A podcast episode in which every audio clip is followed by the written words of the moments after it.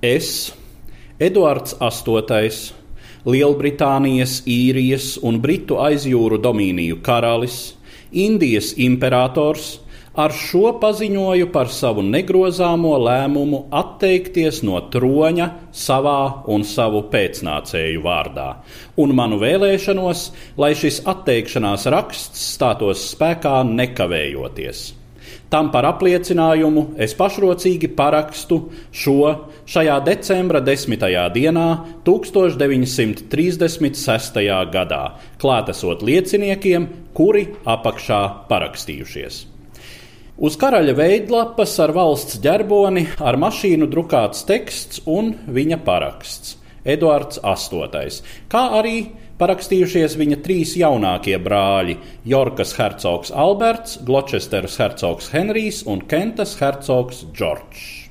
Kas lika karaļa Džordža V vecākajam dēlam, kurš tikai tā paša gada sākumā sava mirušā tēva vietā bija kāpis Britu impērijas tronī, tagad šo vietu atstāt?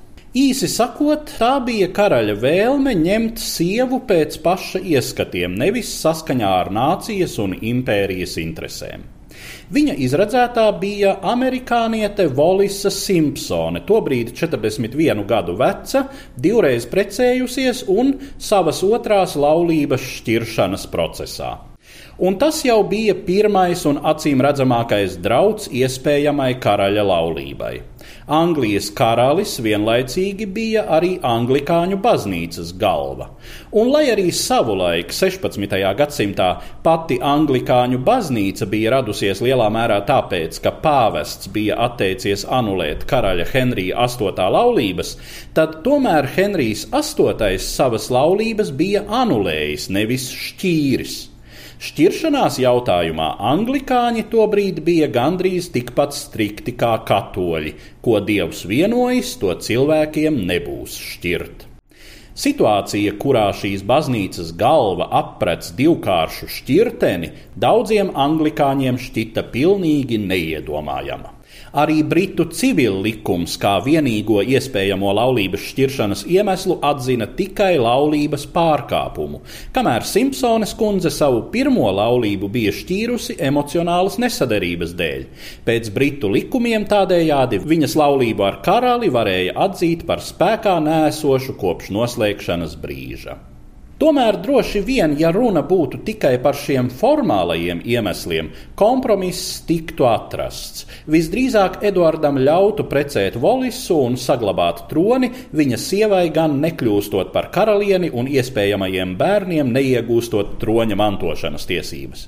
Tomēr bija vēl cits iemesls, kāpēc liela daļa britu sabiedrības un valdošo aprindu nostājās krasā opozīcijā šīm laulībām, un tā bija Simpsonas kundzes reputācija reputācija.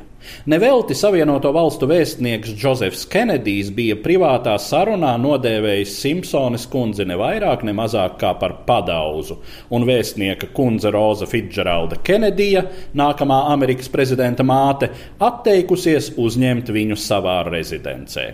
Sabiedrībā uzstājīgi mēļoja ne tikai par to, ka karaļa izredzēto pie monarha saistot vienīgi nauda un stāvoklis, bet arī, ka karalis viņai nepavisam nesot vienīgais. Runāja ne tikai par kādu autotirgotāju Gaju Trandlu, bet arī par toreizējo vācu reiha sūtni Lielbritānijā Joachimu von Ribbentropu. Tuvojoties 1936. gada nogalēji, kļuva arvien skaidrāks, ka Eduardam nāksies izšķirties - Simpsones kundze vai tronis. Šāda nostāja bija gan konservatīvo valdībai, gan opozīcijā esošajiem leiboristiem un liberāļiem.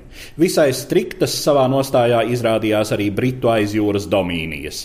Austrālija, Kanāda un Dienvidāfrika teica kategorisku nē šādam karaļpārim, Jaunzēlande bija mazliet pielaidīgāka, vienīgi īrijas brīvvalsts paziņoja, ka Britu karaļa laulības tai ir vienaldzīgas, tomēr uzsvēra, ka būdama tradicionāli katoliska valsts, nevar atbalstīt laulības šķiršanu principā.